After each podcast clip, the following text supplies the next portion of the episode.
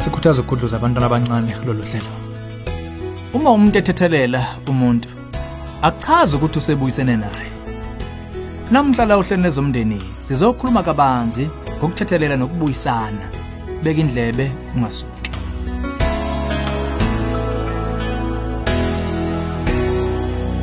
Angikubingelele.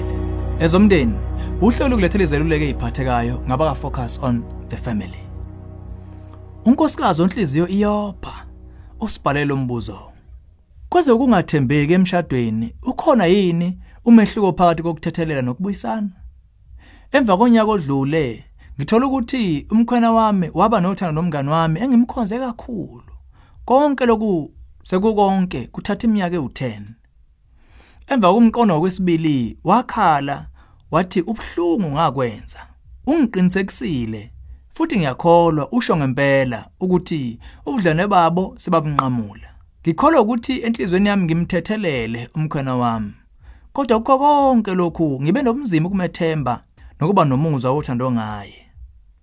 Lokho kuyangikhuba. Wathi kimi kumele kungenelisi ukuthi uthando lwabo selanqamuka futhi wangithembisa akasawophinda angathembeki kimi ngisho nomeluleki wethu washo ukuthi imizwa yami icacile ukuthi angamxoleli umkhwena wami. Ngilimele futhi ngididekile. Ningangisiza? Asize ngqo ephozweni kunemehluko ocacile odinga ukwenziwa phakathi kokuthethelela nokubuyisana. Uthethelelo udabo luyimele bese kuthi ubuyisana lona luyatetana ngamanye amazwi singathi tethelelo utho oluvulekile ngokohambo lokubuyisana. Ngaphandle kokuthethelela kweqiniso kungebe khona ukubuyisana. Kodwa umuntu angathethelela ngaphandle kokubuyisana. Indaba enkulu iba sekutheni lo omunye uphendula kanjani. Kuphinde kube nomehluko omkhulu phakathi kokukhetha ukuthethelela nokuthethelela ngefuqufuqu lenhliziyo nje.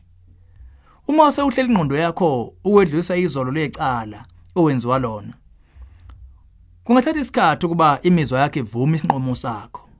Inguquko enjalo azenzeki ngosuku nje. Ngeshwa kubukeka izinto kulesi simo ziphundula umkhona wakho kunye nomeluleki imbala.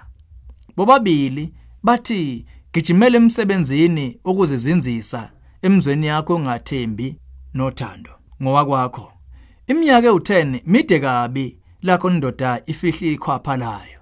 Akusikho nje kuphela ukuthi ukheqiwe wazisa ubhlungu okujulile ufakwe esimeni sokumela ubhlungu njengengxenye yokuphila.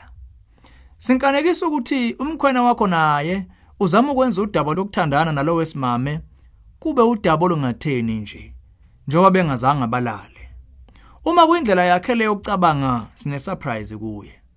Eyimene eziningi umonakalo ofaka uthando lwesibili ngasese awuncikile ekubeni khona kwesenzo socansi. Kunalokho ukwenziwa kocansi ngqo kuyizingxenyana ezincane emva kwalemosa kamakhwapheni.